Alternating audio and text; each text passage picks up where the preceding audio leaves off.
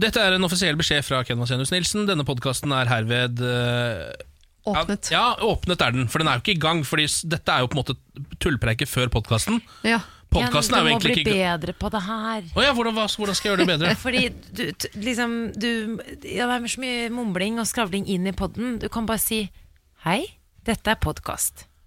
Ja, hei. Dette er podkast. Sånn, ja. Det vil si, det er jo rent offisielt ikke podkasten, for den begynner jo egentlig ikke før vi er ferdig med denne praten. Nei, ikke sant. Mener jeg, da. Uh, Ja, der er jeg teknisk uenig, men jeg Ja. gidder ikke å være sånn som diskuterer på de greiene der. nei. Er det noen som har noe interessant å melde fra denne onsdagen? Hoi! Jeg har sittet eh, mens dere har prata i dag, og meg selv inkludert, så har jeg sittet og googlet eh, Jeg har vært inne på eBay, for jeg lurer på om jeg skal kjøpe, og det er så harry, om jeg skal kjøpe sånne champagneglass fra Veuve Clicquot som er eh, oransje. Hvorfor skal Veuve Clicquot?! Jeg tror aldri jeg har smakt den champagnen, men jeg, bare, jeg har lyst på champagneglass som bare er eh, som ikke er av glass. Jeg så det på et bilde på Instagram eller sånn i går, og så tenkte jeg sånn Knall oransje eller gule glass, du. Ja, Var ikke det litt stilig, da? Med Veuve Clicquot, det er sånn Nikki Beach. Beach. er det sånne glass?! Ja, det er, så Beklager at jeg lo meg i hjel, men det er ehm, Er det litt som å arrangere White Party, eller? Ja. Ja, det er sånn, Eller gå og dra på afterski i Hemsedal, liksom? Ja, for det, det her er altså ikke-gjennomsiktige eh, glass. Ja, det er neopropen eller noe. Ja, Ja. Um, det ser litt ut som det man får på det dårligste utestedet i Syden. Ja, ja, ja, ja, Det er de jeg vil ha. Det er de jeg vil ha. Ja. Men det er så gøy, Siri, for du, du liksom Du er jo vikar for Niklas. Niklas er sånn mester i å bestille ræl på internett. Ja. Ja. Eh, og du igjen, dag etter dag, du utfyller rollen hans eh, så bra. Ja. Så sitter du også her og har eh, nettside oppe, Jambre Separé. Fordi hun skal bestille seg et bord ute på en restaurant på lørdag. Du har blitt så snobbet at alt du gjør, har et fransk navn. Det er ganske rått. Å, Herregud. Jeg liker ikke meg selv chambre lenger. Jeg må dra to måneder på sånn yogaresort, finne meg sjæl. Orker ikke mer. Da kommer du til å like deg sjæl Ja, Når du sitter spørs. Spørs. Og folk sier 'namaste'. Oh. Nei, men Skal vi bare si her er podkast, eller? Her er podkast. Morgen på Radio 1. God morgen, god morgen. Og god morgen til Siri Kristiansen. God morgen. Og god morgen til Samantha Skogran også. God morgen, god morgen, Ken. Ja, god morgen. Har dere det bra så langt, eller? Har skjedd noe? Skjedd noe ennå? Uh, nei, jeg tror kanskje bare jeg har lagt merke til en aksjon. Er det en aksjon? Uh, ja, fordi det er noen som driver og henger opp sånne oransje strikkede ullskjerf på togstasjonene, i hvert fall i Oslo. Det må vi finne ut av hva Skal er vi for google det? Ja, Oransje. Oransje strikker. For jeg så en dame på Oslo S i går som hadde på seg oransje strikkeskjerf og hadde to stykker i hånda. Tenkte sånn, det var voldsomt, så du var glad i oransje strikkeskjerf, har jenta mi. Ja, se her. Ja, her er det Kirkens Bymisjon. Det er i anledning årets TV-aksjon. Er det det, ja? Det er for så- hele ja. Sonsveien var dekket av eh, oransje strikkeskjerf i dag morges da jeg gikk på toget. Faen, eh, allerede en suksessfull kampanje. Eh, blitt, eh, altså, du har merka det, Siri. Mm. Ja, Selv litt sånn i morgentåka, og allerede nevnt det på radio. Ja. Da har de vunnet, da. Vil dere høre hvorfor? Ja. Eh, vi skal kle Norge med hjemmestrikkede oransje skjerf for et varmere samfunn. Varm og god stemning her inne også. Så veldig, vi får, veldig, veldig vi får bidra på den måten der. Mysteriet er løst. Ja, det er veldig, veldig bra. Um, er det noe som skjer ute i Norge, da? Har dere noen aviser dere har bitt dere merke igjen nå? Avisforsider? Ja, altså det er jo uggen stemning i Bergen, da. Ja. Ja, Politiet ut mot taxisjåfører i sentrum kan du lese om i Bergensavisen i dag. De tar seg til rette, sitat politiet. Eh, les mer i BA. ja. Jeg vil følge opp eh, saken som du Samantha snakket om i går, ja, nemlig denne boken til Bette Nort Northug, som Ja, jo eh, Northug. kommer. Northug. Eh, foran på Dagbladet så er det et sitat av Northug. Hadde ikke en eneste nær venn. Nei! Dette er så trist. Det er Alle fortjener en nær venn. Jeg ser jo saken over. Et glass vin om dagens spørsmålstegn knuser myten om sunt alkoholbruk. Altså, Dagbladet i dag er de gode på overskrifter. Jeg merker at jeg har lyst til å lese Dagbladet. Jeg har sittet og venta på den der, eh, at vin ikke er sunt. på en måte Det har jeg skjønt hele tiden. Jeg. Ehm, og nå skal det avsløres for alle. Det er veldig dumt tror jeg, for vinprodusentene, og sånt, fordi folk gjemmer seg bak det. At det er sunt å ta seg et lite glass på altså, er det sunt å ta seg et glass vin? Et glass rødvin er bra for hjertet. Men hvor usunt kan det være, tenker jeg. Altså, og så mista du ett år på slutten av livet der, da, hvor du uansett på en måte hadde vært eh, Om du blir 100 eller 99, liksom. Det er et godt poeng. Eh, VG får- holder jo fortsatt på med sin avsløring av eh, altså, Dette skal vi kanskje snakke mer om i dag, men eh, at det er konsulentselskap som har tjent store penger på å lokke ulike kommuner til å øke antallet utviklingshemmede og få penger for det. Ja, nesten på en måte framstilt eh, sykling, eh, psykisk utviklingshemmede som en vare. Er på en ja, sånn, ja. Det er solgt det Ja. som en, ja, det er sånn som en valuta. Ehm, så den skandalen der brer jo bare mer og mer om seg. Det er jo All honnør til VG, som Siri har pratet om. De har jo vært jæskla gode i den saken. Der her. er det det er gode, det. ass. Men jeg syns avisen generelt er dårlig i dag. Det er veldig få som bringer nyheten om at vi vant landskampen i går. Er, er det kødd? Er ikke det Det er så vidt nevnt på VG. Ingen andre aviser jeg kan se så langt eh, har må- nevnt uh, seieren i går. Jeg nevnte egentlig ikke så mye om landskamp i går heller, og uh, men vi må kanskje vinne flere kamper for at vi skal gidde å skrive om det igjen. Da syns jeg folk begynner å bli uh, altså, Da er det høye krav hvis du skal vinne flere kamper. da, da, da det blir bli vanskelig. Jeg skal aldri skrive om det, da. Må begynne med en. Eh, Ja, må begynne med en. Eh, Jeg skal snakke litt om den kampen, for den så jeg selvfølgelig i går. Morgen på Radio 1. Hverdager fra seks. Tilbyr kommuner hjelp for å øke tilskudd for psykisk utviklingshemmede. Det har seg slik i dette landet at eh, registrering av psykisk utviklingshemmede påvirker hvor mye kommunene får i overføringer fra staten. Eh, For denne ordningen da skal jo da veie opp for hvor for at det kan koste mye å gi tjenester til denne gruppen her. Ja. Og det, kan jo, det viser seg at denne ordningen kan misbrukes. Eh, Dette er jo da knyttet til denne VG-saken om eh, at de tre brødrene i Tolga ble registrert som psykisk utviklingshemmede av Tolga kommune uten at de visste det selv. Mm.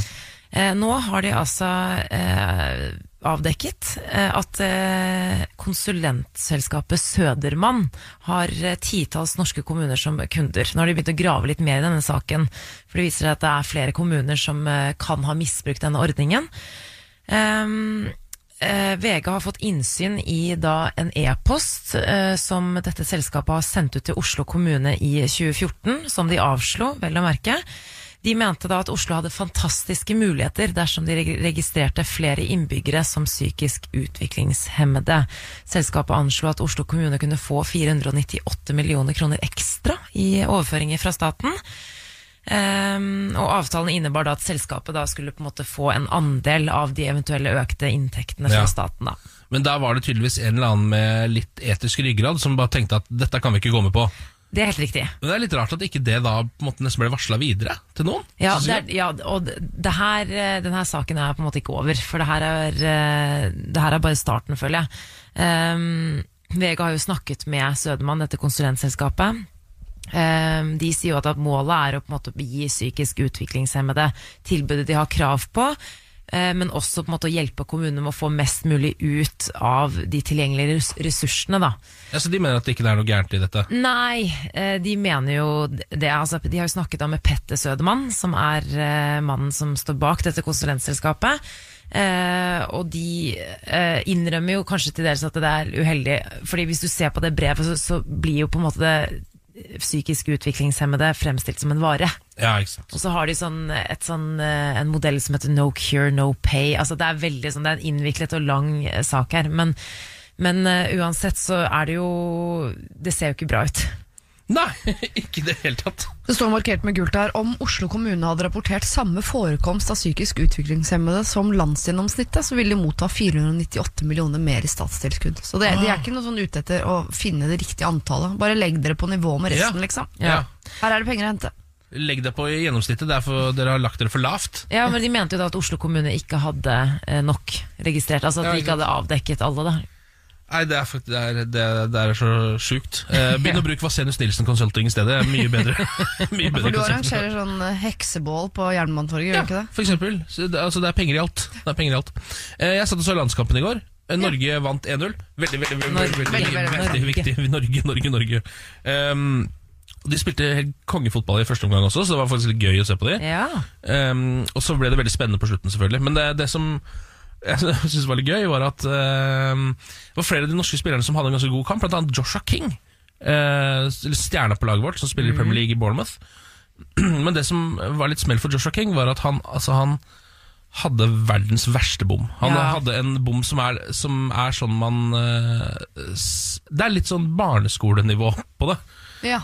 Og så er det jo et eller annet med det der gode gamle når du tjener så og så mange milliarder kroner i, i livet, så er det så rart å liksom ikke klare å sette en sjanse fra én meter eh, helt på blank mål. da Var han ikke helt aleine? Han var helt alene, det var ingen, det var ingen rundt han. God Ja, han tid. kjempegod tid, og så bomma han rett og slett på ballen. Det er veldig veldig flaut for en ordentlig profesjonell fotballspiller å gjøre. Og så er det ekstra flaut når, han, når det viser seg at han er den som har blitt plukket ut til å gjøre intervju etter kamp. Ja, det er ingen god idé. For det velger de på forhånd. Ja, det, jeg tror det er liksom sånn som går litt på rundgang, og så tror jeg de største stjernene tar flere uh, runder enn de andre, men de har liksom på en måte en slags plan for det, så, så han vet at uansett hva som skjer i denne kampen, så må jeg stå til rette for dette matchen. Så må jeg stå rett etter kampen, så kommer det jo en sånn TV 2-reporter, for det er de som sender kampen, rett ned til han på en måte. Han bare kan ta og um, sveive litt svette bort fra panna, og så må du stå til rette for alt som har skjedd ute på den banen. Egentlig Ja. alt det de andre har gjort også, som vanligvis er mest prat om, men når det er du som har gjort altså noe som bare er sånn så barnslig flaut, da. Og så er det rett på sak, så er det sånn Så de spør jo han jo bare Og det, du merker at reporteren prøver å være litt snill med han, for han kan ikke gå rett på 'du dreit deg ut, Joshua'. Det er liksom litt kjipt å gjøre, så han sier sånn 'ja, viktig seier' og sånn. Og så ser du Joshua King, han bare Hva faen, jeg har bomma på den, altså. Hva faen, hva er det du driver med nå? Så Han blir- Så han blir helt satt ut av denne bommen sin. Ja. Eh, og han blir altså så satt ut at et, eh, en periode så tror han det ble uavgjort i kampen. Eh, som Norge vant, fordi at han ikke skårte, da. Ja, uff da. Fordi så, satt, så flau er han, du ser at han bare mister det fullstendig. Rakner matematikken, og alt forsvinner, liksom. Ja. Det er bare et eller annet med stoltheten hans som tydeligvis ligger under den fotballtorva som han nettopp har løpt rundt på, uh, som gjør at han ikke klarer å liksom Han klarer ikke å skjønne at de, at de kan ha vunnet den kampen en gang, så mye som han dreit seg på. Nei, ikke sant? Han sa jo at det var den verste bommen i karrieren hans, så Ja. jeg tror nesten han hadde foretrukket at det skjedde typ i, i England Ja, det tror, enn på Ullevål stadion. det tror faktisk jeg òg. Og måten han liksom la seg ned på etter han bommet. Ja, ja, for det var også veldig rart. Jeg vet ikke, Du så du den kampen, Siri? Nei, så bare første målet, så ikke Ja. Mm. Ja, fordi han, Etter at han bomma, så ligger han nede på bakken i 30 sekunder. Uh, 30, ja. ja 30 Det er er ganske lenge, lenge, han er ikke skada, han bare ligger der. Mens Norge har fortsatt ballen. Så Norge prøver å score, men de kan ikke gjøre det, for han ligger i offside i det femmeteren. Ja, men Det er ikke meningen å le. Altså, jeg syns synd på han virkelig, Ja, men det er, bare, det er litt sånn tragikomisk. Og så vant de jo, selvfølgelig. Altså, det er greit da ja, og det er spennende fremover, så Ja. det blir, men eh, ja, vi, vi sender våre takk. Veldig bra, Josh. Er ikke det da den største bommen? At han blir liggende i 30 sekunder og fucker opp? Jo, egentlig er det det. Men jeg tror han ser på det som en unik mulighet at han fikk lov å snakke med pressen etterpå. For det er veldig deilig når man har driti ut, så er det veldig deilig å kunne få si eh, til det norske folk eh, mens de fortsatt er samlet. Ja. Jeg vet at jeg dreit meg ut, for det er, hvert Ja. fall, det er jo der selgerne dukker opp. Liksom, for Man eh, vil bare være føre var med å si, eh, eh, si fra at man har driti seg ut. ja. Det hadde vært mye verre hvis han måtte gå rett til garderoben, og så måtte han ta det opp da hos Lindmo liksom, om noen uker. Jeg tror ikke han hadde blitt invitert på Lindmo om noen uker, men jeg skjønner hvor du vil hen. Ja. Ja. Eh, jeg har eh, bitt meg merke en sak som handler om eh, og det er ikke så rart, for jeg er veldig, veldig opptatt av store havpattedyr. Eh, det har nå kommet et avansert sporingssystem som gjør det mulig å følge med på hvalens bevegelser i Barentshavet. Forskningsprosjektet har vakt enorm interesse internasjonalt, og flere aktører drar stor nytte av det. Og ble, sånne overskrifter blir jeg veldig veldig glad av når jeg leser at flere aktører drar stor nytte av det. Så scroller jeg nedover, og eh, første aktør som nevnes er altså turistnæringen. Eh, og da er det reiselivssjef i Tromsø som intervjues, som heter Chris Hudson. Eh, Så synes jeg dette er genialt, for nå kan man følge hvalen direkte. Nå er det sånn at hvalen følger silda, og nå kan menneskene følge hvalen. Eh, og da tenkte jeg at det kan umulig være det den forskningen er til.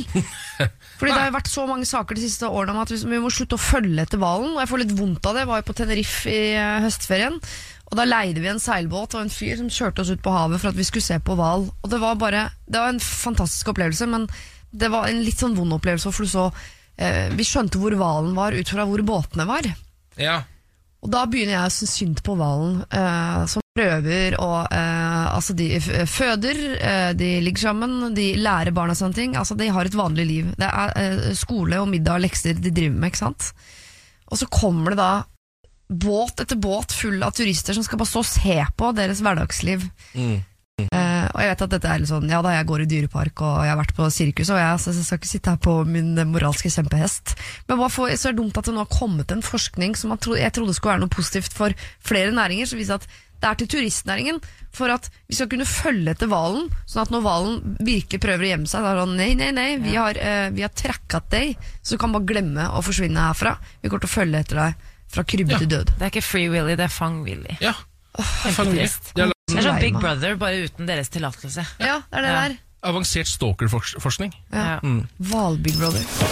Dette er morgen på Radio 1. God morgen. Jeg vil snakke om noe jeg kaller for eh, usosial irritasjon. Ja. For jeg er nemlig egentlig en veldig sosial eh, person. Jeg liker å være sammen med vennene mine. Jeg snakker med dem, sånn, i hvert fall én av dem, sånn en gang om dagen. En gang i måneden. Ja, um, En gang i måneden, ja. I wish.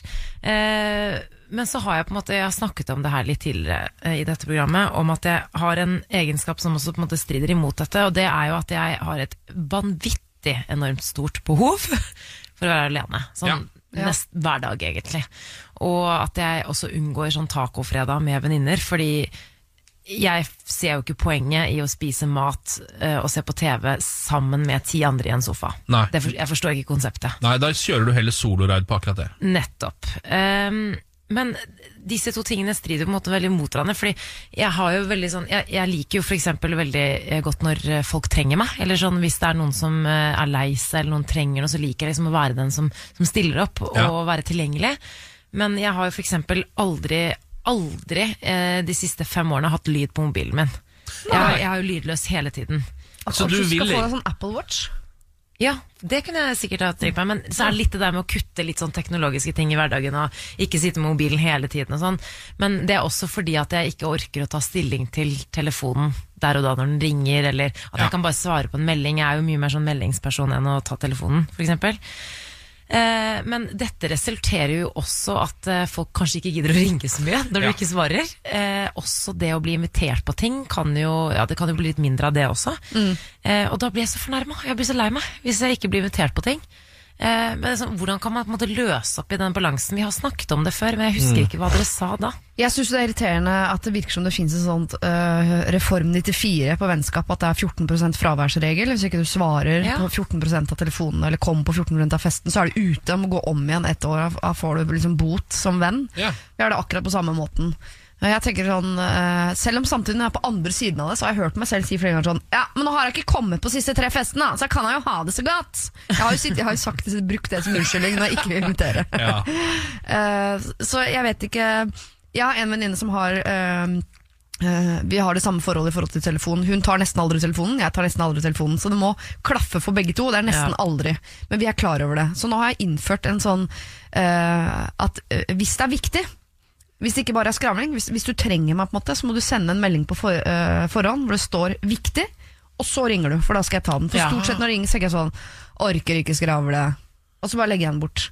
Så kanskje du skal innføre sånn kodesystem med venninnen din sånn Hvis det er viktig, Ja. så si fra, skal jeg ta den. Jeg er der for deg, alltid.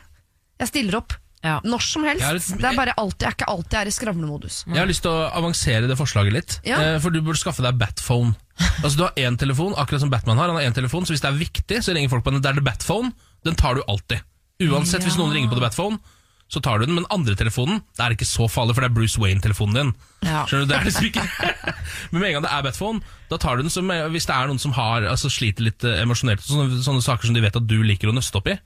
Så bare call her on the Batphone. Og da, Hva da med det der å lysprojisere et sånt symbol opp på himmelen, som Ja. Batman gjør når man trenger hjelp? Eller sette et Ja, jeg hvitt skulle kryss i ønske jeg ruta, var sånn så som i viktig. X-Files?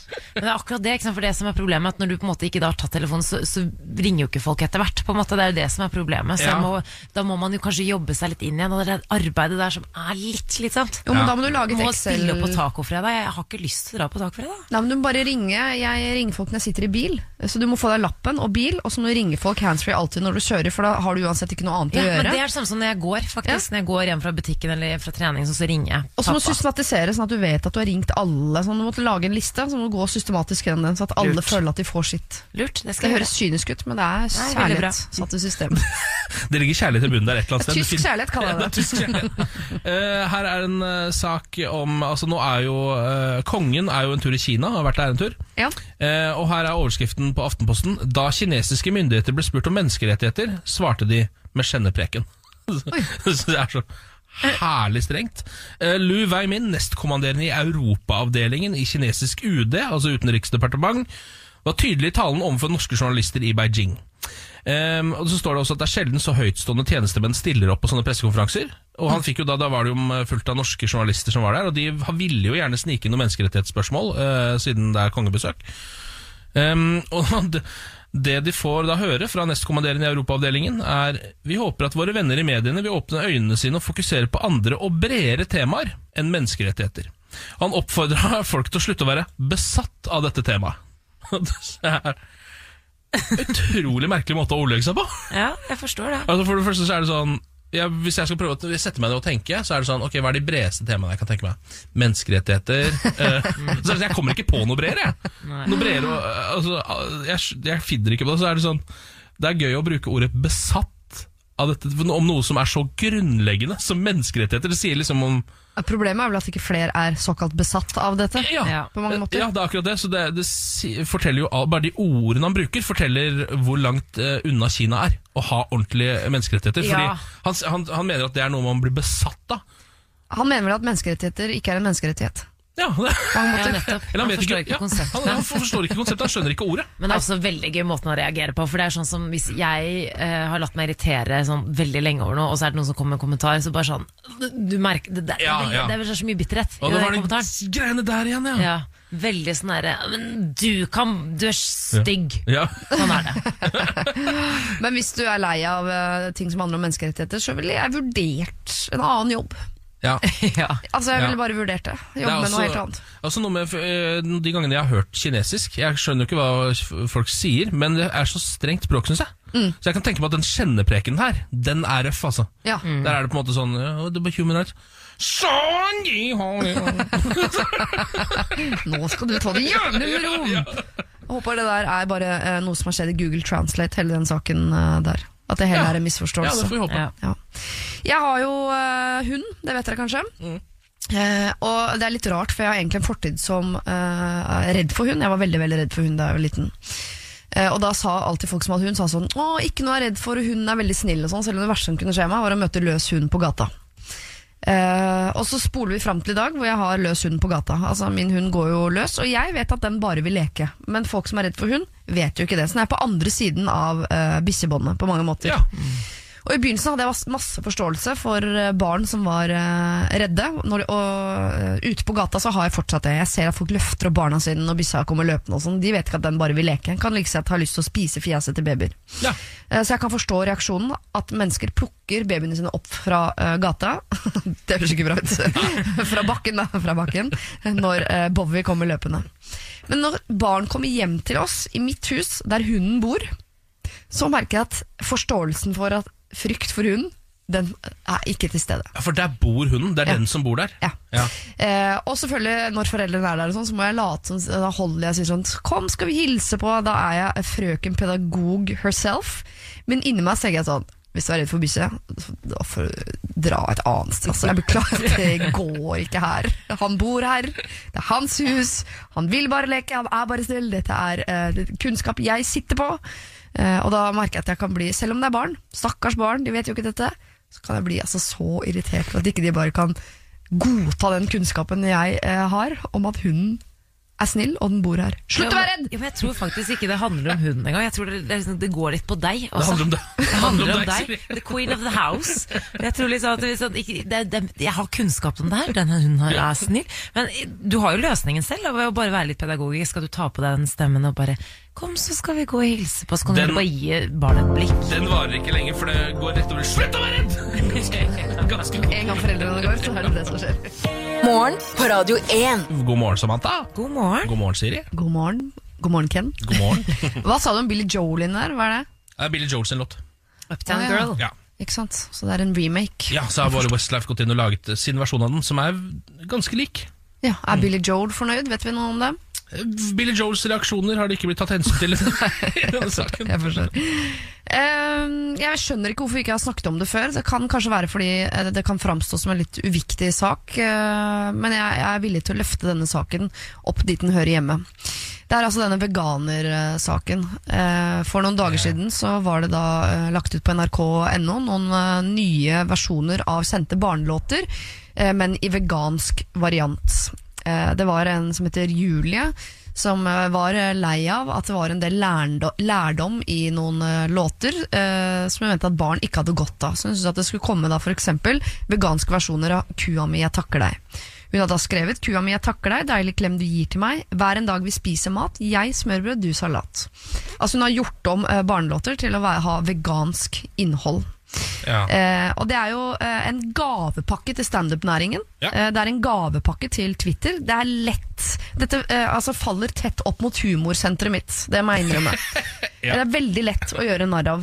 Ja. Samtidig så ser jeg jo at uh, veganerne blir lei seg av nettopp det. For dette har jo havna da opp eh, i eh, humorsenteret til ganske mange andre. Det har vært harselert med altså, så mye uh, på sosiale medier hvor folk latterliggjør nettopp dette.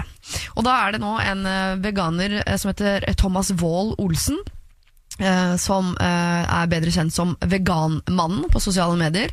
Som går ut og sier at han er altså så lei. Han eh, har opplevd så mye hat som veganer de siste årene, men lurer på om han nå kanskje har blitt immun. Og Han foreslår at folk heller kan være hyggelige mot hverandre, eh, og så si ting som 'er du veganer?' 'Å, det er ikke jeg, men det er hyggelig at du prøver'. 'Jeg er flink på andre ting'. Så han foreslår at man skal være hyggeligere mot hverandre og mer pedagogiske. Hvor gammel er denne mannen? Ja, Han er en godt voksen eh, mann. Altså. Jeg vil tippe han er eh, slutten av 30, begynnelsen av 40-åra. Oi. Ikke sant? Og jeg er helt enig i det. Jeg kan forstå det der når du har opplevd hets for et valg du har tatt i livet ditt. eh, Som er helt streit. Jeg mener ikke at folk skal bli veganere nødvendigvis, men å spise mindre kjøtt, det bør vi være enige om at det burde alle mennesker gjøre. Det er en av de største klimatruslene vi har, er kjøttproduksjon. Så er, og er det én ting vi bør klare, så er det å spise biff litt grann mer sjeldent. Men salamien min, den rører du faen ikke. Den må jeg bare få lov å, smette inn der. Um, men jeg, jeg eh, er litt i splid med meg selv her, Fordi her har jeg humorsenteret mitt er sterkt i dette. Jeg syns det er veldig mye uh, gøy her. Uh, for eksempel Ronny Selland har lagt ut på, eh, på sosiale medier.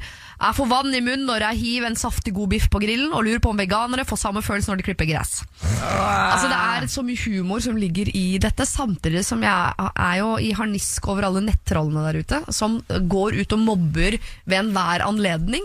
At jeg, jeg, klar, jeg har nå en fot i hver leir og klarer ikke å ta standpunkt i saken. Selv om jeg selvfølgelig Jeg klarer å ta standpunkt til hvorvidt vi skal gjøre om barnesanger til vegansk innhold. Der er jeg på nei-siden. Der er jeg på en- Der er jeg på en helt klar nei-side. Ja. øh, mm. Men om jeg syns synd på dyra eller veganerne mest eller, altså Jeg klarer ikke helt altså moral, det moralske senteret mitt, som ligger eh, ganske tett opp mot humorsenteret, de, eh, de krangler med hverandre nå.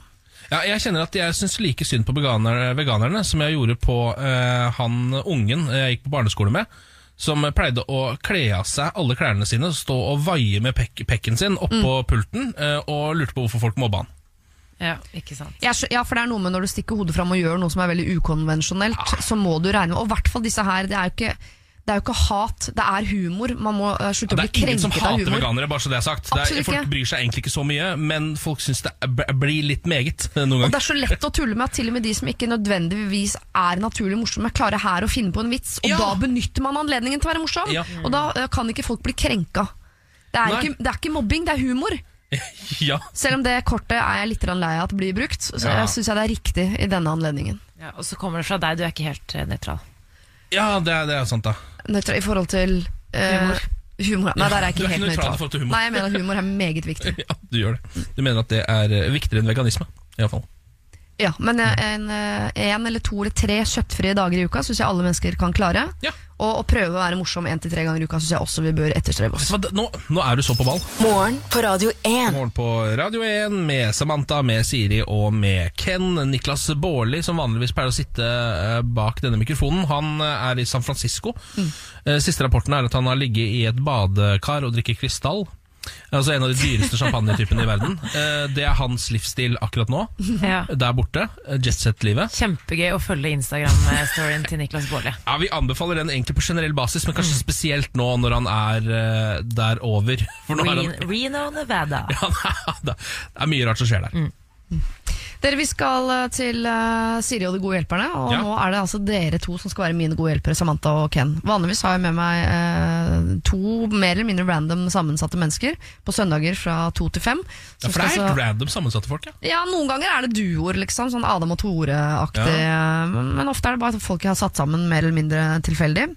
Eh, som da skal hjelpe til, basert på mail jeg får inn til min innboks, siriradioen.no, med eh, problemer. Og nå har jeg tatt med et av disse problemene til dere. Vi Er dere klare. klare? Hei, står det her. Vi nærmer oss julebordsesongen med stormskritt, og mange gleder seg nok sikkert til det. Ikke jeg. Ikke fordi jeg ikke liker en fest, altså, men mer fordi jeg ikke liker sjefen. Kul dame ellers i året, men ikke på julebordet. Der lever hun ut noe undertrykte greier som ikke tåler dagens lys. Hun blir meget pågående på alle, ler og skråler og tafser og danser. Alt iført en ganske slutty outfit. Alle syns det er ubehagelig, og hun kjefter på oss eh, og sier at vi er så kjedelige som ikke vil danse og skrike, når vi andre bare prøver å ha det hyggelig. Dagen etter er alt glemt. Denne dama har ikke angst, men vi andre går rundt som sjenerte barn.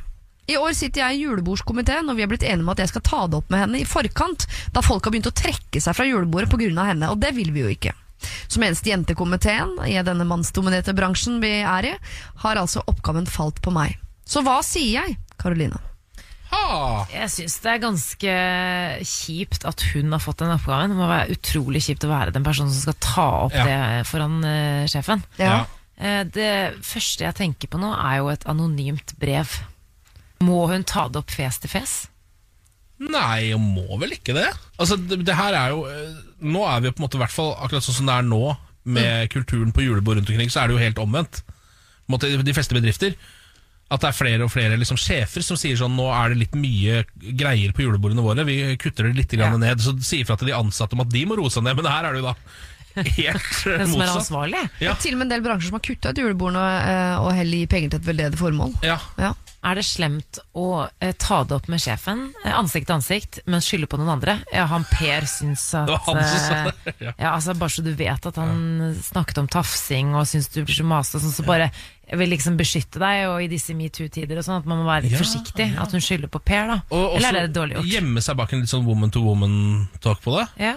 Det er dårlig gjort overfor Per. da Jeg bare lurer på hvem man skal skåne her. Altså, Skal man skåne bedriften i sin helhet, eller skal man skåne seg sjøl? Eller sjefen? Sjefen er på topp. Er det en som ikke skal skånes, så er det toppene. Ja, det er Det er på en måte noe av Det er derfor du får høyere lønn, det er fordi du står på toppen, og der blåser det. Men ettersom det er en kvinne, heller ikke like lett fellbar som hvis det hadde vært en eldgammel kiss. Eh, Som hadde gjort de samme tingene For da kunne man egentlig bare ha sendt det til media, så det ordna seg sjæl.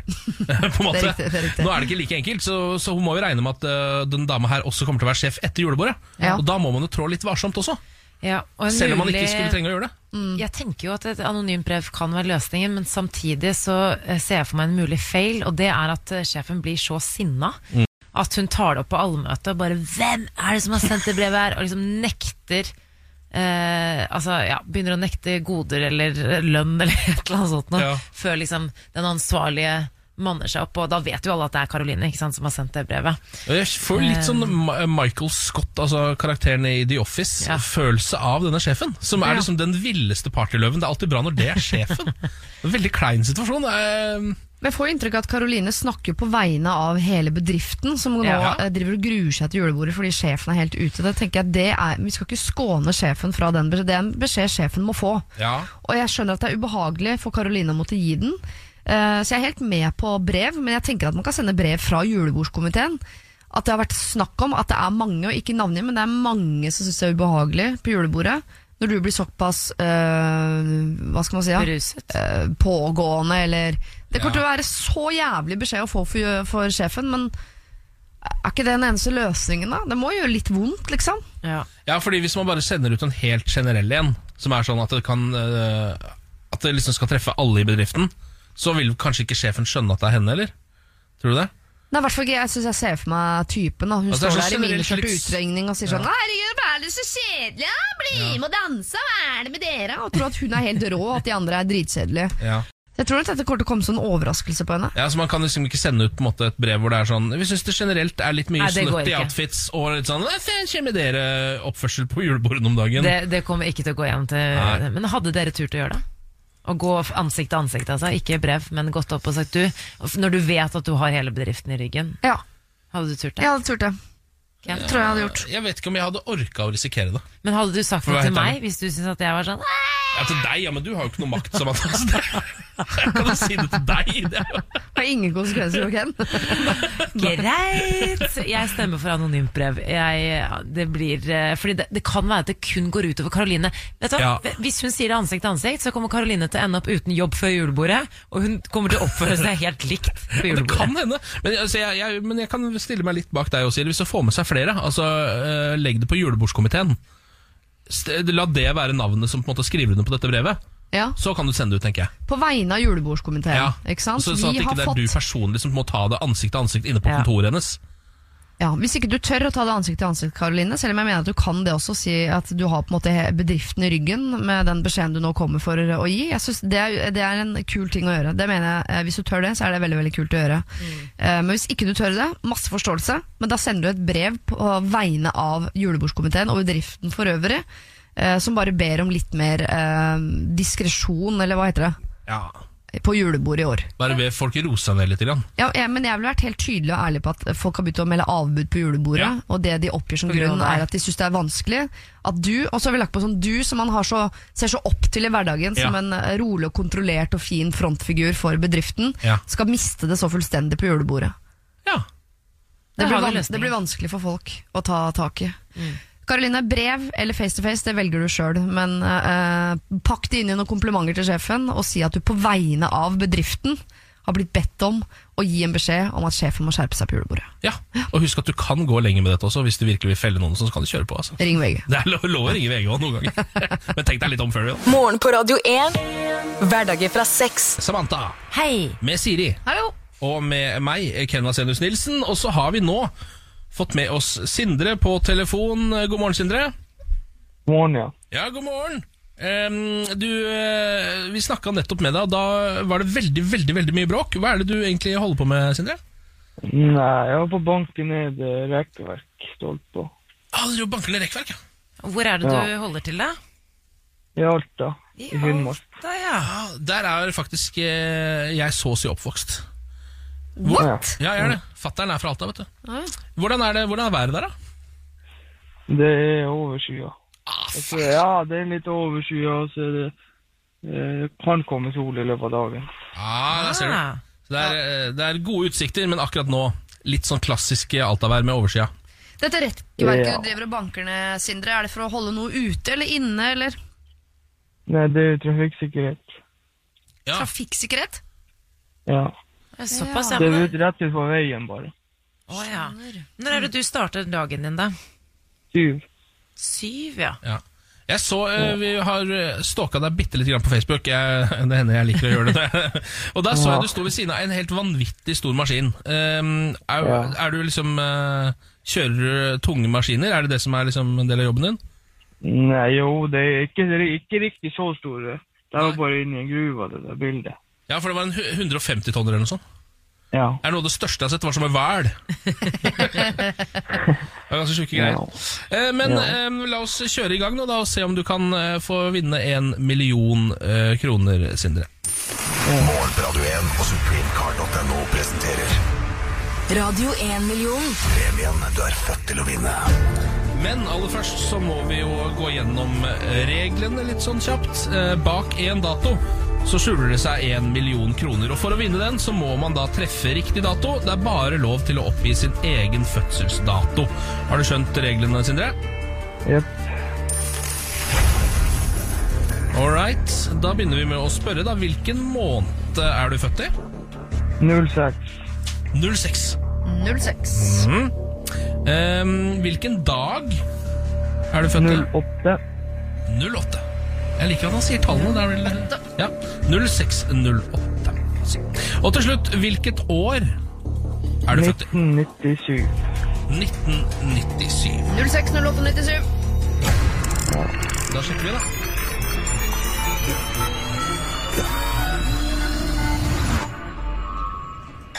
Nei, det var ikke det, altså. Det var ikke, det som var, den, eh, det var ikke det som var den eh, rette fødselsdatoen. Det beklager vi. Eller vi kan egentlig ikke beklage det, for vi har ikke noe med det å gjøre. Nei, det er sant. Det er bare flaks og uflaks. det fint.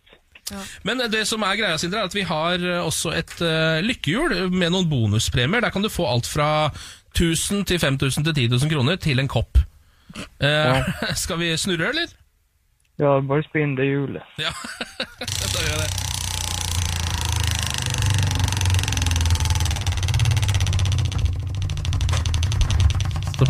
Ikke. Ah, der stoppa han på 1000! Yeah, yeah, yeah. 1000 kroner. Ja, ja. Jeg, er veldig, jeg blir veldig Ja. fornøyd. Jeg blir veldig fornøyd. Er du fornøyd, Sindre? Ja, da er jeg kjempefornøyd. Det er ikke én million, men du kan vel få kjøpt deg et eller annet fint? Eller godt?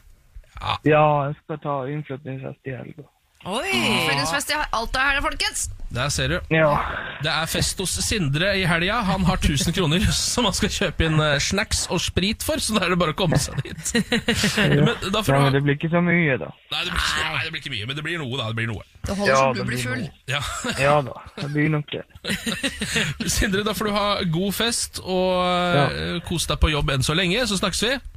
Jeg likeså. Ha det! Ha det bra. Morgen på Radio 1 og supremecard.no presenterer Radio 1-million. premien du er født til å vinne. For din mulighet til å låse opp millionen, lytt hver morgen 10 over 7. Radio 1 er dagens største hits. Og én million kroner hver morgen. Radio 1. Morgen på Radio 1. Det klokka er nå blitt 13 minutter på åtte. Det er onsdag morgen. Og vet dere hva som skjer nå? Hva da? Nå skal jeg eh, suge noe fra eget bryst, eh, nemlig frastøtning. Yes. Jeg skal nå lære folk hvordan de kan holde seg eh, frie, franke, inn i den evighet. Um, og um, i dag så kan jeg røpe såpass at det skal handle om frastøtning på Tinder. Hele veien fra Moss i Østfold. Ta han vel imot. Frastøtningsartist Ken Vasenius for det, takk for det.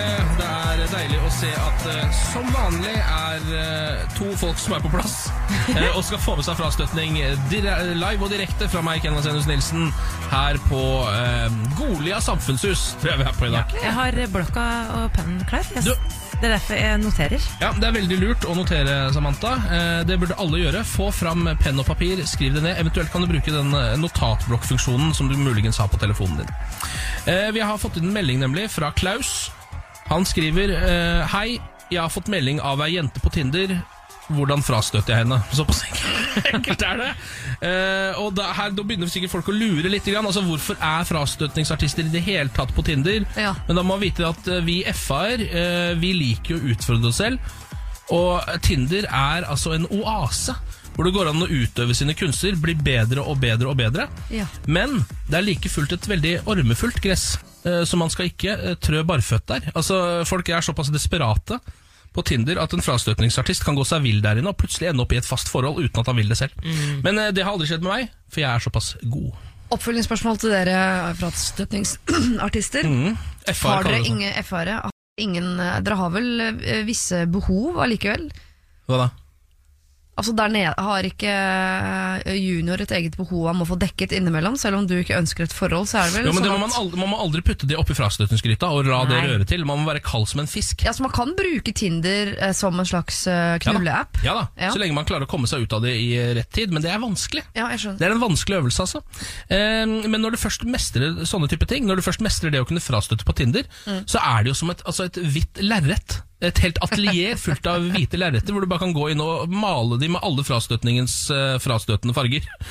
Em, men jeg har da eh, funnet eh, noen um, Altså, jeg har funnet fram tre uh, svar, Tinder-responser, som i hvert fall har fungert veldig bra for meg personlig. Så da kan Klaus velge mellom de tre, se hvilken som passer best til hans situasjon. Um, den uh, Tips nummer én. Tinder-respons, Tinder-svar, funker egentlig uavhengig av hva folk har skrevet til deg. Så funker nesten alle disse tre. Altså, de står på sine egne bein. Nummer én. Hva sa de? Det er nummer én. Er det hele? Hva Ja. sa de? Ja. Det er viktig med de da, ikke du? Jeg syns det er viktig med den formen, ja, at man bruker høflighetsformen. For da framstår det enda litt mer Det er mer avstand mellom objektet og den som sier det. Ja. Eh, Det som funker veldig bra med å si 'hva sa de', er at ingen gidder å skrive noe to ganger. Altså ingen som, Hvis noen sier sånn 'halla, eh, kanskje vi skulle tatt en kaffe en dag', du ser veldig søt ut, hva sa de? Så gidder man ikke å skrive det en gang til. Plutselig Nei. det står jo over der. Så man skal være relativt bortkommen for ikke å skjønne hva den personen sa. Å, det der hadde ikke støta bort meg. Altså. Det vil jeg synes, uh, Der hadde jeg blitt litt nysgjerrig. Hadde du det? Jeg tenkte, han, Hva hadde du gjort? Hadde du skrevet en gang til? han er vanskelig og artig, han skal felles, hadde jeg tenkt. Ja, hadde du det, altså? Ja, litt, tror Gå, jeg. gå videre til neste, tror jeg. Ja, men det er i hvert fall dette her, jeg, jeg har prøvd dette flere ganger. Det er ofte det eneste uh, setningen jeg kommuniserer med en kvinne. Ja. Altså, det kommer, Hva sa de? Ja, det kommer Hva hverken si det nok ganger? Ja. Ja, det er bare føl- Hvis du følger opp, da, så er det bare å si 'hva sa de' en gang til. ja, ja, da hadde kanskje Da hadde du kanskje gitt på andre men jeg måtte ha hatt to runder med det, tror jeg. Ja. Ok, Hva med den her, da, Siri? Se om du hadde gått på denne. Nummer to. Ja, du babler og babler, men la meg få sagt dette. Trump sin innsettelse var den mest folkerike noensinne. Politisk respons. Ja, det, ja. Ja, men det er ingen som gidder Altså, Du sitter på Tinder, er Ja, sjekker du gidder ikke å gå inn i det greiene der. Nei, og så tror jeg uansett om jeg vet at nå prøver han å bli funny, så er det sånn eh, Eller nå pr- prøver han å være morsom. Kanskje. Bare irriterende. Ja, men- så det, ja. det funker uansett om du var seriøs. For det første så vet du at det, andre, det første du må skrive til den personen, er noe om Trump. Mm. eh, og om noen av den innsettelsen hans. Altså Det er konspirasjonsteorier oppi der. Det blir så mye, da. Ja. Tenker jeg. Eh, og så nummer tre. Hvis ingen av disse to skulle funke, Klaus, så kan du prøve denne responsen. Hvilke kjønnssykdommer har du? Jeg har klamydia og et snev av dryppert. Prøver å finne en som har det samme som meg, sånn at det ikke blir noe stress med smitte og sånn. Den er god. Den er ikke dum. Ah, nei, den er ikke veldig god. Jeg vet ikke om jeg hadde trodd på den. Hadde du ikke For det? du kunne stoppa etter bare hvilke kjønnssykdommer har du. Ja, men det begynner der, da. Mm. Og så venter man litt og ser om man får svar. Og så eh, Kanskje to dager etterpå så legger man på 'Jeg har nemlig klam klamydia og et snev av dryppert'. Sånn for å forklare, sånn hvis ikke du har fått svar ennå, da. Du kan også bare spørre hvilke kjønnssykdommer har du, sånn som du sa. Bare begynne med liksom den setningen. Ja, ja. Det hadde, bare det hadde funket. Det er ofte en god start. Man kan også snu på det og begynne med 'Jeg har klamydia og et snev av dryppert. Hvilke kjønnssykdommer har du?' Altså Her kan man eh, pusle Ja, som leke seg litt, ja, med nesten- ordene. ja, Men er læremester eh, Nilsen, jeg har et Ja. eh, spørsmål. Kunne man, kunne man kanskje ha skrevet sånn uh, For nå har jeg sittet i timene dine veldig ja, mange ganger. Ja, Du noterer flittig også, ser jeg. Du er veldig flink til Ja, jeg gjør det. Mm. Kunne man skrevet sånn Nei, jeg har faktisk ikke sagt henne at jeg har klamydia ennå. Sånn til den personen, men så ser det ut som du har bommet. Ikke sant? At, Ja, «Oi, ja, faen, ja, oi, ja, ja, og så skriver du etterpå 'oi, sorry, jeg skrev feil'. Ja, The Accidental Text on Purpose, ja. Ja. ja det er en klassiker. Eh, altså At man later som man eh, skriver til feil person, Ja. men så er det til den personen det egentlig er. Ja. Skjønner du? Ja, ja, jeg har prøvd meg på det bare andre veien før. Ja. At Ja. man later som man sender melding feil for å få ko kontakt. Ja, det er genialt, det. Ja, ja. funka ikke helt for min del. Ja, men du, du, eh, Ja. Du må bli bedre, Siri. Du må Ja. begynne å notere, du også. Ja, jeg skal begynne å notere. Får ikke med deg noen ting her. Ja, Mer frastøtning om en uke. Jeg regner med folk sitter bare Morgen på Radio 1. Hverdager fra sex. Jeg vil gjerne snakke om en eh, norsk sak som har skapt eh, overskrifter verden over, og det er nemlig at eh, vi har gjort Når jeg sier vi, så er det selvfølgelig fordi vi er Norge. Ja, Norge! Norge! Norge. Gjort det første store vikingskipfunnet på 115 år. Yes! Ja. Mandag kunne Østfold fylkeskommune stolt presentere det som trolig blir det fjerde gravfunnet med vikingskip i Oslofjordområdet på Viksletta like nord for Halden. Ja, Vi i Østfold er jæsla gode på vikingskip. Ja. Ikke bare er det Norge, men det er Østfold. Ja, det er Østfold. Bare en halvmeter under jordene hvor bonden har kjørt sine maskiner, lå vikingskipet, og kan fortsatt eh, være bra bevart. Og teknologien som ble brukt i kartleggingen av de mystiske Stonehenge-steinene i Sør-England, har altså avslørt eh, disse restene. Altså, er En gang til. Altså teknologi, Samme teknologien som ble brukt til kartleggingen av uh, disse Stonehenge-steinene. Ja. Det er Ja. samme teknologi, da. Jeg forstår, jeg trodde bare et øyeblikk der du sa at her ligger også at det lå noe der som gjorde at vi skulle få svar på hva Stonehenge var for noe. For det snak, altså, hva er det? Nei, nei, nei. nei. Ja. Men uansett eh, så kan eh, beregningene viser at skipet kan ha en total lengde på over eh, 20 meter. Um, og det her, altså det, her er, det her er faktisk ganske spennende. Jeg er ikke en som abonnerer på arkeologinytt, Nei. men dette er gøy. Uh, og så er det jo snakk om at eh, så her er det liksom eh, Nå må de jo finne ut av måte, hvor dette stammer fra, om det fortsatt er bra bevart osv. For det har veldig mye med sånn oksygennivå og sånn, om treet er godt bevart. Sånn, Så Ja. det, det kan være godt bevart, men det kan også være på en måte, store ødeleggelser som osv. osv. Men eh, eh, sist gang et vikingskip ble funnet i Norge, var faktisk i 1903, og da var det Osebergskipet. Var Osebergskipet det forrige? som ble funnet i ja, Sem i ok, da. Vestfold. Eh, Jeg var- jeg hadde liksom bare en sånn tanke om at jeg hadde funnet masse små skip mellom der òg. At man fant det ganske ofte, på en måte. Ja, ja det, dette er liksom kanskje andre typer skip, men vikingskip er liksom ganske uh, sjeldent. Og dette skapte jo selvfølgelig, som sagt, uh, overskrifter hele verden. The Guardian, National Geographic, eh, Fox News til og med. Ah. Konservative amerikanske kan Alle har meldt om dette, for dette er, dette er big news. Vikinger er jo veldig populært i utlandet. Ja, altså For et folk vi var. Vi tok på oss voldtektshjelmene våre og bare løp ut der. Brant ned gårdene til de andre landene. For et folk. Men hvorfor er det så spennende for andre nasjoner? Det er jo, altså, eh, jeg hadde skjønt det hvis vi oppdaget en ny rase eller en ny tid, eller, men det er jo bare Vikingtida veit vi, eh, den har vi hatt. Eh, De brukte båt, det veit vi, og har funnet en båt til. Ja, ja. men jeg tror, Du ser jo sånn Vikings, du ser på alle disse seriene. Altså jeg tror, eh, Verden generelt er så fascinert av vikinger, Ja. og elsker å lage serier om det. Det er bare noe med, med selve det, altså vikingkonseptet som folk blir helt gala.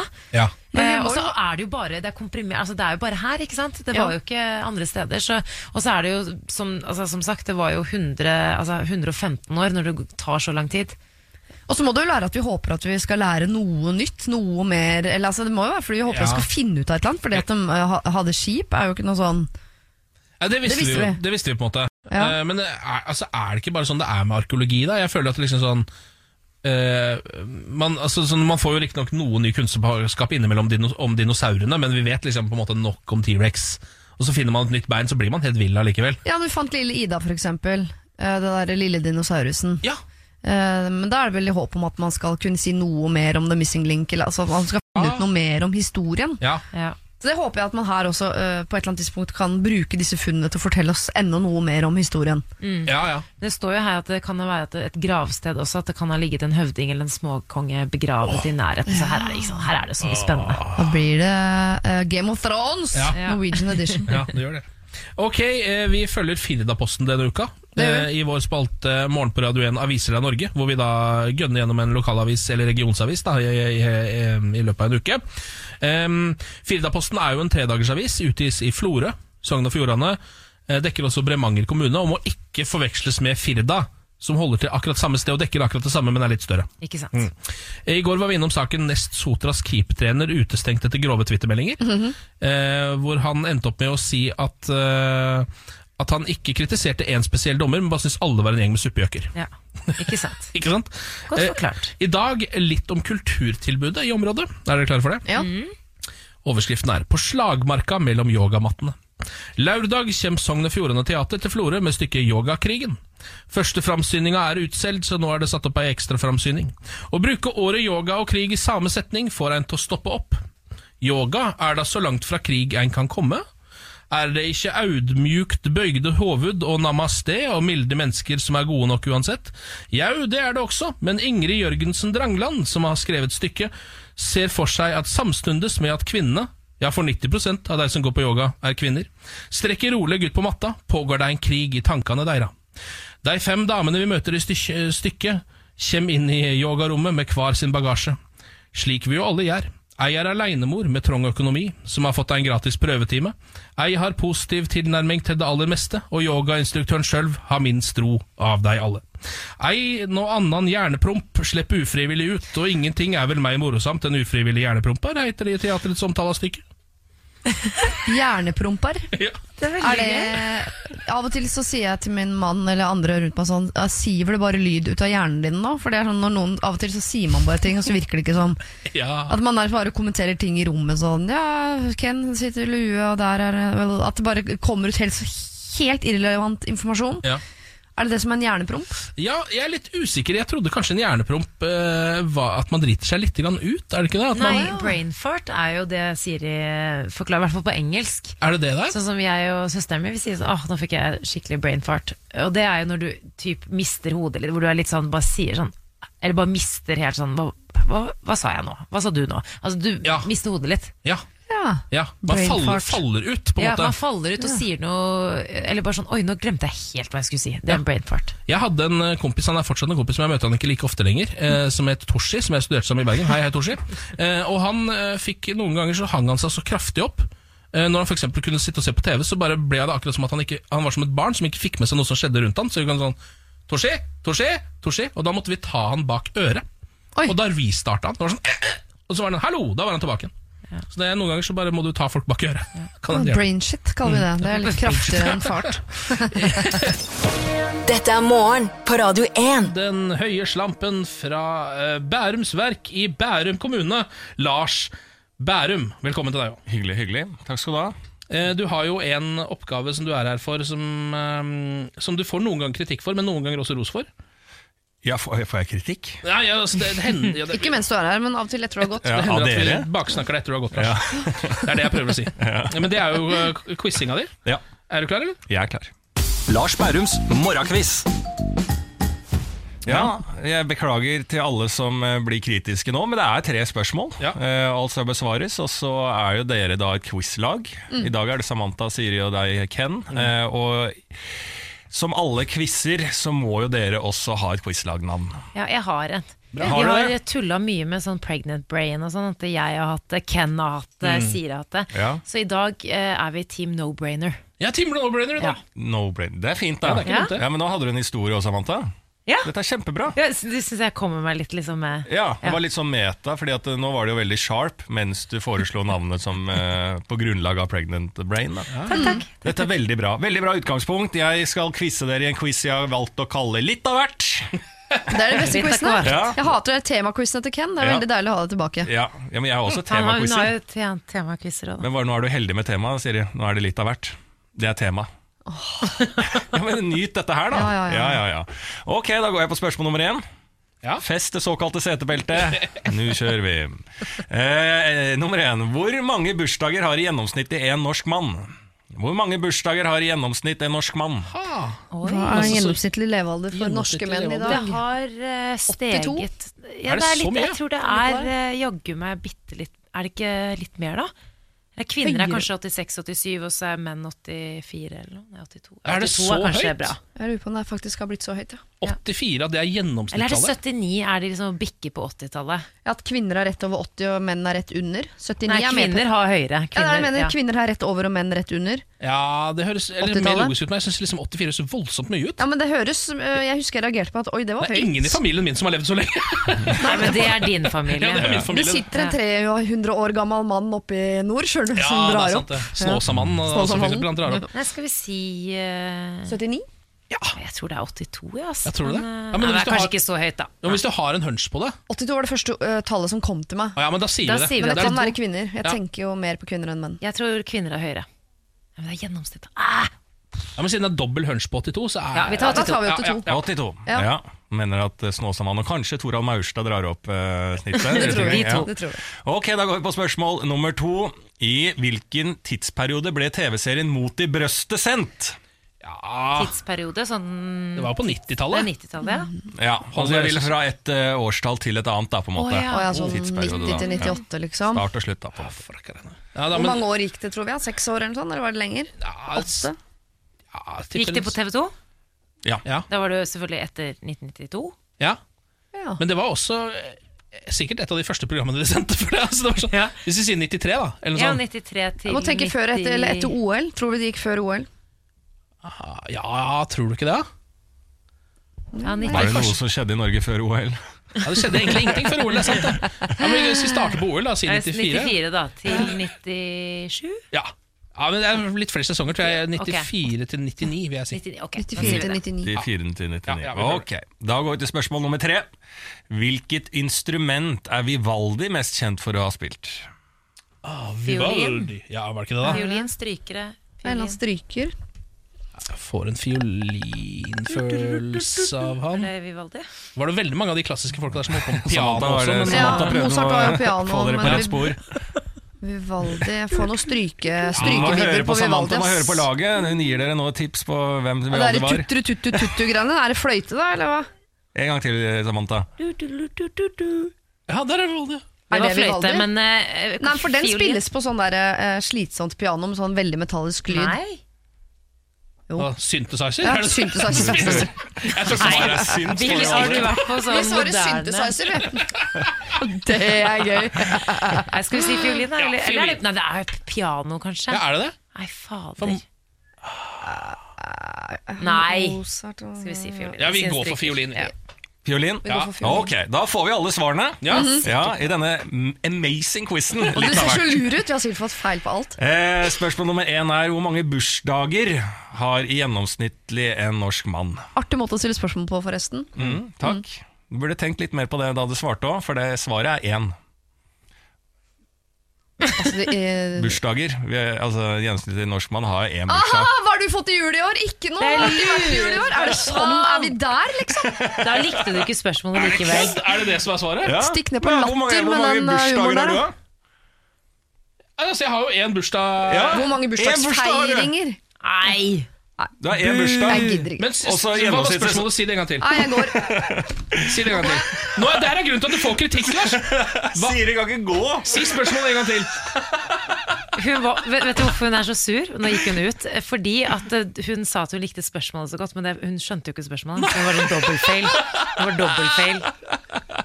Men for, bare si det en gang til, for du sa hvor mange bursdager har. Hvor, hvor mange bursdager eh, har gjennomsnittlig en eh, norsk For du eh, sa ikke mann? hvor mange bursdager feirer gjennomsnittlig Nei, norsk. nei, nei, nei. Så Nei, det men- var et lurespørsmål Siri hadde hatt! Så vi får bare ture igjennom. Ja, nå blir jeg ekstra fornøyd, men nå får jeg kanskje ekstra kritikk her, da. Det gjør du. Ja, Du kan se på dette som kritikk, at noen Ja. forlater rommet i det du holder på. ja, ja jeg skjønner det. Ja, Nå kommer du inn igjen. Ja. Er du tilbake? Har du fått blåst ut litt? Deilig at det er sånn rennende vann i springen utafor. Kan man drikke rett fra krana. Ja, Det er jo kjedelig å drite seg loddrett ut, jeg skjønner jo det. Men det er jo måter å takle dette på. Gange to. Jeg ringte Lina mens jeg var ute, Lina Krantz. Hun sa du kunne sette opp de greiene der på Latter. du det? Å, fy faen, for en dag jeg har nå. Nydelig. Eh, og så kom spørsmål nummer to. I hvilken tidsperiode ble TV-serien Mot i brøstet sendt? Her var det, Dere hadde egentlig det riktige, for det er, svaret er 1993 til 1997. Ja. Dere svarte 1994 Ja. til 99 eller noe sånt, sa vi. 99, ja. Ja. ja. Jeg så syns vi skal få for den. Ja, innafor der, var det ikke det? jeg har lyst til å si at det er feil, altså. Nei. Fordi at dere, var, dere hadde jo svaret, men dere bare rota det vekk. Nei! Så det er to feil. Siri, ikke gå. Nei, den, den, jeg har ikke noe Ja, interesse av å kunne noe om mot det brøstet. Det går kjempefint. Ja. Jeg kommer til å anke den dommen der. Ja, gjør det det? Mm. Ja. Ja. Spørsmål nummer tre var da hvilket instrument er Vivaldi mest kjent for å ha spilt? Er det fanke meg piano, så går jeg ut av Ja, rommet. og her ville jo da Siri, som går fordi quizmaster, eh, stiller noen spørsmål som er litt eh, ubehagelige eh, for hun. Eh, så stikker hun fra studio, og her valgte da egentlig Siri å svare synt.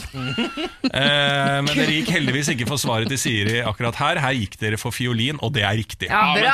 Takk. Samantha. Fuck, altså. Men husk, Siri, for guds skyld, at du har én bursdag i året. Jeg skal google gjennomsnittlig levealder for menn. Ja, om det, vi hvert fall ja. Nei, Lars, gå, gå ut. Ja, jeg skal gjøre det. Morgen på Radio 1. USAs ambassade måtte unnskylde etter katteinvitasjon. Vi skal til USAs ambassade i Canberra eh, i Australia. For noen dager siden så sendte de ut en litt sånn spesiell invitasjon. Det var altså et bilde av en eh, katt i en pysjamas. Og den pysjamasen har bilde av eh, Cookie Monster, altså kakemonsteret fra Sesame Street. Det kan jeg vise nå her, eh, Ken og Siri. ja. Eh, den ble altså sendt ut til flere av USAs ambassader rundt omkring i verden. Eh, og dette var da en innkallelse til et eh, møte eh, som ble sendt ut av Altså Det er jo USAs utenriksdepartement som sender ut. Ja. Så dette ble på en måte sendt ut sånn på en sånn til alle. Du vet når du skal skrive sånn Ja. Anders, og så blir det alle, Ja. og så sendes det til alle. Um, hvor uh, da USAs ambassade i Australia måtte bare unnskylde og si beklager og måtte skuffe dere, så man hadde håpet på å komme på denne kattepysjamasfesten. Men en slik event faller utenfor vårt ekspertiseområde, skrev han da i en e-post to dager etter innkallingen hadde kommet. Fordi den kom i en eh, e-post to dager etterpå. Eh, så forklarte, altså de forklarte jo hvordan dette her skjedde først. Da. Det var jo en opplæringsfeil ved at en eh, ny ansatt da skulle på en måte prøve å Ja. forstå mailsystemet eller annet sånt. Men det som var så søtt, var at det var mange ambassader som takket ja. Ja, for det er det jeg mener. Et godt departement hadde uh, ha, ha, altså kjørt eh, avholdt et ad hoc kattepysjamasfest hvis de hadde dritt seg ut på den måten. Bare gjemt seg bak i. Vi gjorde ikke noe feil. Selvfølgelig er det helt riktig at vi skal ha denne festen. Alle kan komme. Ja, Det er jo det ja sånn, gjort. ja, det er det de Ja, gjort. det det de gjort. Men jeg bare synes det er så søtt at det var liksom Fordi det var på en måte eh, Den katten holder jo da en tallerken med cookies Ja. Mm. og litt melk, og så var det sånn allmøte, og alle vet du, ja takk, jeg kommer. Ja. Jeg liker liksom folk bare Ja, men vi tenkte ikke noe over det, vi, men ha-ha, liksom at det var feil. Ja. Det elsker jeg. Her har de jo av, eh, åpenbart avdekket et behov hos ambassadeansatte for mer hygge og kos, og Ja. eh, mer sånn relaxed stemning på arbeidsplassen. Ja, Kanskje helst dyrerelatert også.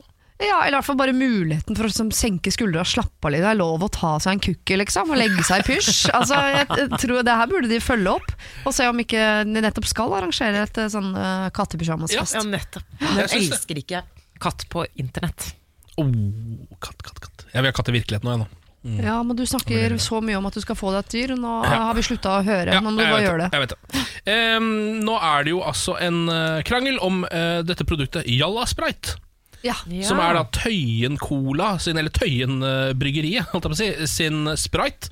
Som de har kalt for Jalla Sprite. Em, det er deres sitronbrus. Og Coca-Cola ville jo ikke gå med på at de skulle hete Jalla Sprite, fordi de hadde tatt merkevarenavnet til Coca-Cola, altså Sprite. da Um, Men nå har jo Jalla Sprite endra navn, og det de har endra navn til, er Jalla XXXXXX.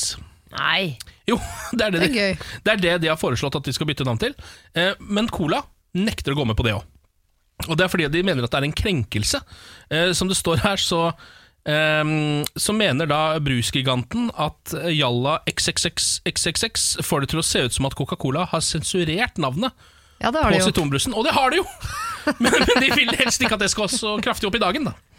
Eh, så, så nå vet jo ikke Jalla, folka på Jalla Sprite Vet jo fankeren ikke hva de skal finne på nå. Når, det, altså det, når ikke engang det forslaget går inn, som jo er sånn Ja, hvis ikke Coca-Cola vil ha noe oppmerksomhet rundt dette, så må de slutte å krangle. Ja, for det er en, de har fått masse oppmerksomhet rundt det. Og nå er det jo altså, Jeg tror Jallasprite har vel aldri solgt så mye noen gang. Altså Det her er jo en det her er jo en markedsføringskampanje fra himmelen Ja, for et bitte lite bryggeri i, i Oslo-området. Det har nok vært intensjonen. He Oi, sann. Men Hva skjer? Ja, Det var stumtjeneren som falt over det. Det kan nok ha vært intensjonen hele veien, tror jeg. At jeg tror eh, de ville ha det som en sånn markedsføringskampanje. Men jeg, jeg, også, alle forstår jo at det er en liten sånn uh, right back at you-prank når de kaller det XXX. Det er jo en Det er det er. direkte replikk tilbake til Coca-Cola. Ja. Det har de helt rett i. Ja. Men hvis Coca-Cola vil ha en stopp på den oppmerksomheten og denne feiden, så må de jo no la noen få siste ordet ja, så fort som mulig. Ja. Men altså, XXX, er det, er det bare for ba De kunne jo kalt det hva som helst. Ja. Det er jo bare sånn, det er sånn FU. Ja, og nå, ja, ja, ja. nå som det har fått så mye Absolutt. oppmerksomhet og folk har hørt om det, så kommer folk til å kalle det for Jalla Sprite uan fanden sett hva som skjer. Ja. Eh, altså sånn, eh, sånn som det er f.eks. for eksempel i Moss, så er det ikke sånn at selv om en butikk eh, plutselig blir kjøpt opp av et konsern og heter XXL, så heter det fortsatt, fortsatt Stenerud Sport i Moss. Hvis du skjønner Ja, ja. Ja. Altså Det kan du ikke gjøre noe med. Nei. Så dette navnet kommer til å stå til evig tid, i hvert fall nå. Jalla Sprite, ja. Det er det det heter på folkemunne allerede. Jalla Sprite er dritbra navn. Ja, jeg er helt enig. Vi skal holde oss til matvarebransjen litt. Grann. Jeg beklager, vi har allerede snakket om det tidligere i dag at innimellom så, eh, så kommer det altså eh, noe som heter Var det brain fart? Vi fant ut av det het? Ja. Hvor det bare kommer lyd fra hjernen. Dette er et sånt øyeblikk. Nå skal det komme bare lyd fra hjernen min. For dette er, noe, ja, dette er noe som har kverna godt oppi hjernen min. Uh, uh, og nå vil jeg bare si det høyt, for enten legge det dødt eller spre denne hjernefisen videre. Ok Fordi jeg bare inne og ser nå at nå får du kjøpt uh, kantareller. En kilo kantareller får du kjøpt nå på Maximat, f.eks. På Nordbysenteret eh, i Sverige. Ja. Eh, jeg vet hva det innebærer å plukke en kilo kantareller. Det er mm. blodhardt arbeid, nitidig leting mm. og mange mil til fots for å få tak i en kilo eh, kantareller. Og jeg skjønner at ikke det her har eh, Knut og Kari vært ute og gått i skogen og plukka kantareller som de har levert på Maximat på Nordbysenteret for å gi til folket. Et eller annet sted så står det et drivhus hvor det eh, dyrkes fram kantareller i hopetall, sånn at man bare kan eh, gå over med saks, klippe det rett ned i pose og sende det av gårde. Og sånn er det jo med 99 av matvarene. Det er veldig få eh, matvarer vi spiser som folk bare har vært og plukka for hånd ute i skogen. Eh, altså det er satt i et system. All mat vi spiser er satt i et system. Eh, men jeg ser aldri systemet! Er det det som er brainfarten din? på en måte? ja, for jeg forstår. Og jeg, jeg får X-Files-følelse av det. For jeg tenker sånn, ok, Det må være helt vilt mye jorder. Helt vilt eh, mye sånne drivhus, og helt vilt mye av uh, altså forskjellige installasjoner der det dyrkes fra mat. eh, For å få all den risen, all den soppen, all den makaronien, alle lasagneplatene, all, eh, og alle de bitte små sherrytomatene Spesielt de. bitte, altså, vet du hvor mange bitte, bitte små sherrytomater? Bare inne på min lokale Kiwi Så er det en milliard bitte små sherrytomater. Og så ganger du det med alle Kiwi-butikkene Legger på alle Rema, alle Rimi Og så legger du på de andre landene i verden Vet du hvor mange bitte små sherrytomater det er? Og jeg har ikke sett et jævla sherrytomatdrivhus! Og nå jeg begynner å jeg, Er det et land, er det en uh, del av planeten jeg ikke vet hvor er? For jeg har, det er ikke det at jeg er ekstremt bereist Men jeg har da vært utenfor øh, min egen navle Jeg er også skeptisk til disse kantarellene, fordi det er rart at eh, du kan få kjøpt en hel kilo, og, og mange, mange kan kjøpe en kilo, så det er Ja. rart. Men jeg må bare si at det her er motsatt av brainfart. Brainfart er sånn Beavis and Butthead, sånn øh, øh, øh, øh. Det her er en sånn nevrotisk Det er, den, tankegang. altså, det er den smarteste fisen Ja, jeg noen gang har hørt. smart Jo, men for da kantarell- og skjæretomatbønder, så tenker jeg sånn, nå sitter de og fiser på radio igjen. Ja. For jeg vet jo, jeg har GPS-koordinatene til det drivhuset. Det er, ikke noe, det er en no-brainer, ikke sant? Så for bønder nå, så har jeg sittet og fise i fem minutter. Men vet du hva, uh, Mølder? Eh, altså, jeg føler at noen må ta med deg på et sånn uh, skjæretomatdrivhus. Gjerne. Så bare du får sett det med dine egne øyne. For jeg har I vært på want. Dole-plantasjen, så jeg vet, det- hvor ananasen er. Men det er eneste frukten jeg har sett også dyrke i system. Det er viktig at du får sett dette med egne øyne før dette her tar Håper du helt får over oss. sove i natt, Siri. ja, det håper jeg altså. Nå fikk jeg X-Files kjenningsmelodien på huet. Morgen på Radio 1. Ehm, nå har altså Lars Berrum fått lov å komme inn i studio igjen, Siri. Det er du som har tillatt han å komme inn. Ja. Vel. Jeg tror at Det var nettopp veldig sur stemning her, eh, men vi fikk en liten pause fra Lars på ca. 20 minutter, og nå er han tilbake igjen. Ja, og jeg vil bare si at forventet levealder for menn i Norge er eh, altså 80 og, altså 81 år, så der hadde vi hatt riktig. Ja. Kvinner er eh, 84-85. Ja. Ja. Altså, jeg, bare til nye lyttere her og sånn, så var jeg innom her i sted og hadde en quiz, og stilte spørsmålet da eh, hvor mange bursdager har gjennomsnittlig en norsk mann, eh, der eh, Siri syntes det var et kjempegodt spørsmål og svarte da gjennomsnittlig alderen på en norsk mann, men vi har jo i gjennomsnitt bare én bursdag. Det er så Eh, typisk at og det var et lurespørsmål som Ja. gjorde Siri Kristiansen så forbanna at hun forlot studio. Ja, men Hun hadde ikke blitt så sur hvis hun bare hadde svart feil på spørsmålet. Hun berømmet spørsmålet først, ja, og derfor ble det dobbeltfeil. Tenkte vi at du hadde vært smart og laget et smart spørsmål, så var det egentlig det dummeste spørsmålet i hele verden. Det var totalt dritete av Siri. Eh, og jeg gruer meg veldig til slammen, Fordi at det er, det er jo en beskjed som også kanskje kommer til å provosere Siri. dette her Så dette her er ikke min dag eh, overfor deg, Siri. Det beklager jeg. Og hun skal sitte og stirre på deg mens du holder. Jeg veit det. Ok, men Da kjører vi i gang. Slampoesi. Jo, Niklas. Nei. Nå blir det slampoesi. Fuck! Hva er dagens tema i slampoesien, Lars? Ja, dagens tema er jo eh, oktober. Eh, og at det er den måneden vi ikke trenger å tenke på trening og slanking. Og Siri vet jeg går jo på slanke Altså hun, hun drikker jo bare ja, Hun drikker jo bare shaker. Eh, men jeg mener jo at dette er måneden der man faktisk skal bare spise og gjøre det man vil. For det er så inneklemt måned der det ikke er noe press. Ja. Og dette trodde jeg skulle bli sur for, dette gleder mitt eh, hjerte. Eh, Jo mer jeg kan gå mot strømmen, jo bedre. Ok, ja. men Da er det bare å sette seg ned og kose seg, og så skal jeg gjenvinne litt tillit eh, hos Siri. Vær så god, Lars. Nå er tidspunktet for å leve. Sommeren er over. Vet dere at dette er tidspunktet for å spise? Drikke og ikke trene. Akkurat nå er det ingen som maser, kjaser om at nå er det snart sommer. Nei, akkurat nå er det som den ikke kommer. Akkurat nå er det en frisone, en no go-sone for kroppspress og stress. Yes! Dette er tiden for serier og chips, god karbo som dyppes i dips. Men bruke tiden, det er snakk om uker før juleshoppingangsten spruter ut i kroppen og erstatter et manglende treningspress med gavestress som ikke opphører før januar, hvor krav om trening igjen angriper hjernen din akkurat som en jaguar. Oktober er en kravløs måned, hvor du skal gjøre hva du vil i blikket når du ser sjokolade. Legg ned treningsbladet, døtt inn cheddar, kall en spade for en spa. Spa? Er det noe du kunne unne deg? Bør være fokus. Sett deg mål om å ikke trene. Fuck PT. Sikkert en som heter Irene. La hun være alene. Snart kommer julepresset. Slapp av. Etter det skal vi trene. Oi, oi, oi! Ja, veldig bra. Terningkast seks. Ja, det er terningkast seks. Den gravide hyller denne hyllesten. Ja, men jeg mener det helt seriøst. Dette er en måned der ingen liksom egentlig skal få tilgang til hjernen din om et eller annet press i forhold til kropp. Fordi at nå er det ingenting som kommer. Dette er, vi er starten på en måned eh, og et, nesten et halvt år full av klær. Ja. Og mørk, og liksom mørkt overalt.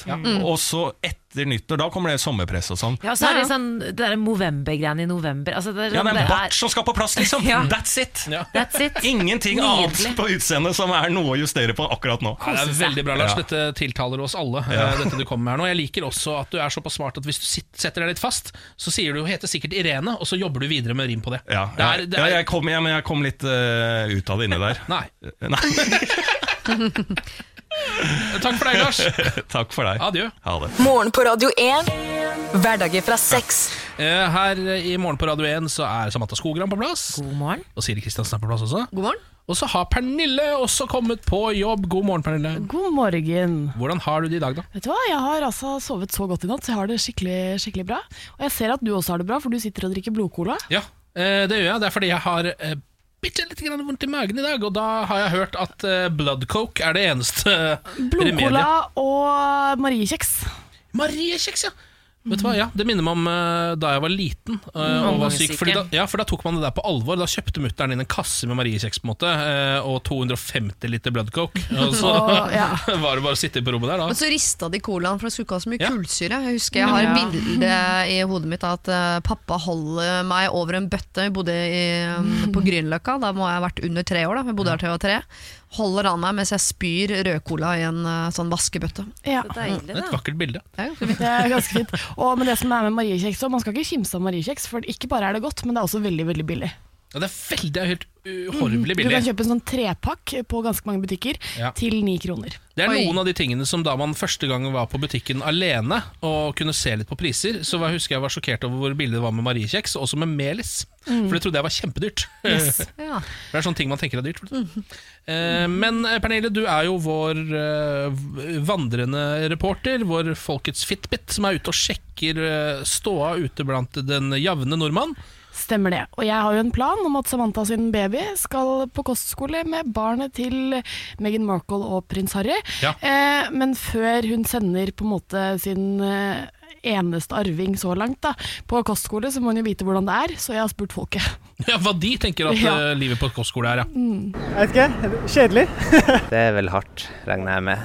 Jeg ser for meg at du må gå med uniform og sånn. Jeg har egentlig, eh, helt ærlig, aldri sett for meg noen som går på kostskole. Atskillig mer striks enn det er her hjemme. Nei, du, det, det er i hvert fall ikke noe for meg. Det er eh, Det er, tror jeg nokså Der er det ikke mye demokrati, for å si det sånn. Altså Hvis jeg er ute fra film, så er det vel alltid jævlig i starten, og så blir det bra. Jeg har egentlig litt lyst til det. Tror jeg bare er litt gammel. Jeg var på internatskole på videregående. Det er veldig dyrt å drive hvis det ikke er religiøst i Norge. Jeg er ikke religiøs. Det var litt sånn rart, egentlig. Noe av det var litt ubehagelig, men, eh, men jeg er veldig bestemt på hva jeg står på, da, og det respekterte folk. Det betydde jo at jeg flytta når jeg var 15, sammen med masse kompiser og Kjempegøy. Veldig, jeg angrer ikke på det. Oppfordrer folk til det. ja. Da var det faktisk en som hadde førstehåndserfaring. Hva er oddsen, liksom? Og det var eh, både hun eh, Eller både han som var sånn 'blikk noe demokrati der, han var jo veldig gøy. Og hun som sa sånn Jeg, jeg drømmer om det jeg har sett på film. Jeg er helt enig med hun, for jeg også tenker sånn Det er, ser jo veldig gøy ut på film. Ja. jeg har notert meg nå det folk sa. Eh, hardt, kjedelig, uniform, mangel på demokrati, dyrt og religiøs. Eh, Ja, men så kom jo han siste der da og sa selv om det var religiøs, så var det Han ville anbefalt det til alle han kjente. Tro meg, Søsteren min gikk på kostskole i Sverige, og jeg var og besøkte henne. Det var mye festing, og det var kirke og, hver morgen, og det var uniform, og det var strengt osv.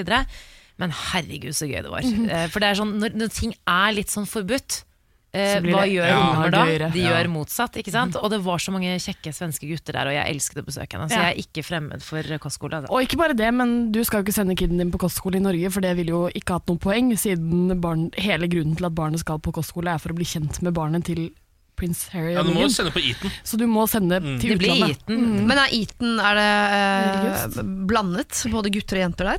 For det morsomste må være å være på ren eh, guttekostskole, og så er det en ren jentekostskole i nærheten. Det er bare et lite skogholt imellom. Veldig følelse at Wild Eton er sånn Child. Er ikke det bare det gutteskole? Jeg tror det. For da er det Det er veldig mye sånn derre eh, Veldig mye sånn Ja. fokus på roing og bryting, og det er veldig sånn macho opplegg blant eh, smågutta som går der. Det er privatskole, boarding school for boys, Ja. near Windsor. Det er Windsor er der hvor de gifta seg. og sånt. Ja. Men det her, er jo, det her er jo, handler jo ikke om barnet mitt. Ikke sant? Det her handler om at jeg skal komme meg inn i den kongelige familien. Det er nettopp det, så vi må krysse fingra for at det blir en gutt. Da syns jeg skal kalle sønnen din for eh, Brekkstang Hegle Svendsen. Det er godt navn, det.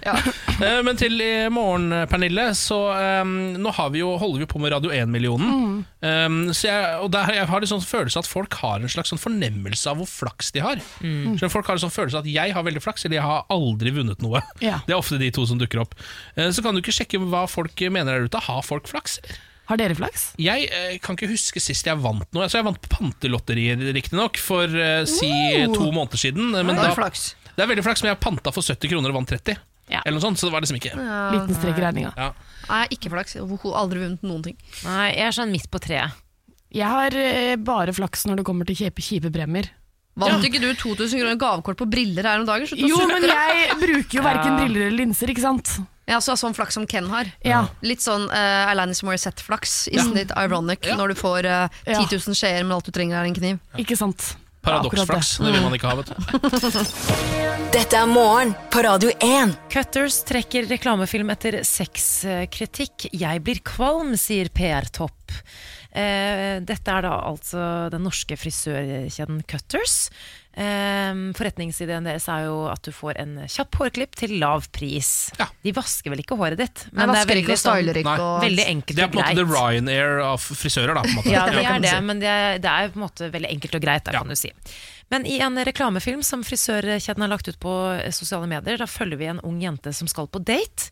Eh, Etter å ha oppdaget en kvise i pannen, så reddes da situasjonen med å få en kjapp frisørtime hos eh, Cutters. Det kan vi jo alle kjenne oss igjen i. Eh, Hun da skaffer seg da en lekker pannelugg, eh, og så i neste sekvens i denne reklamefilmen så vises da jenta i en eh, seksuell situasjon. Eh, hun ble altså tatt eh, bakfra ja. på en date, eh, og teksten 'Bangs for the buck' Mm. dukker opp.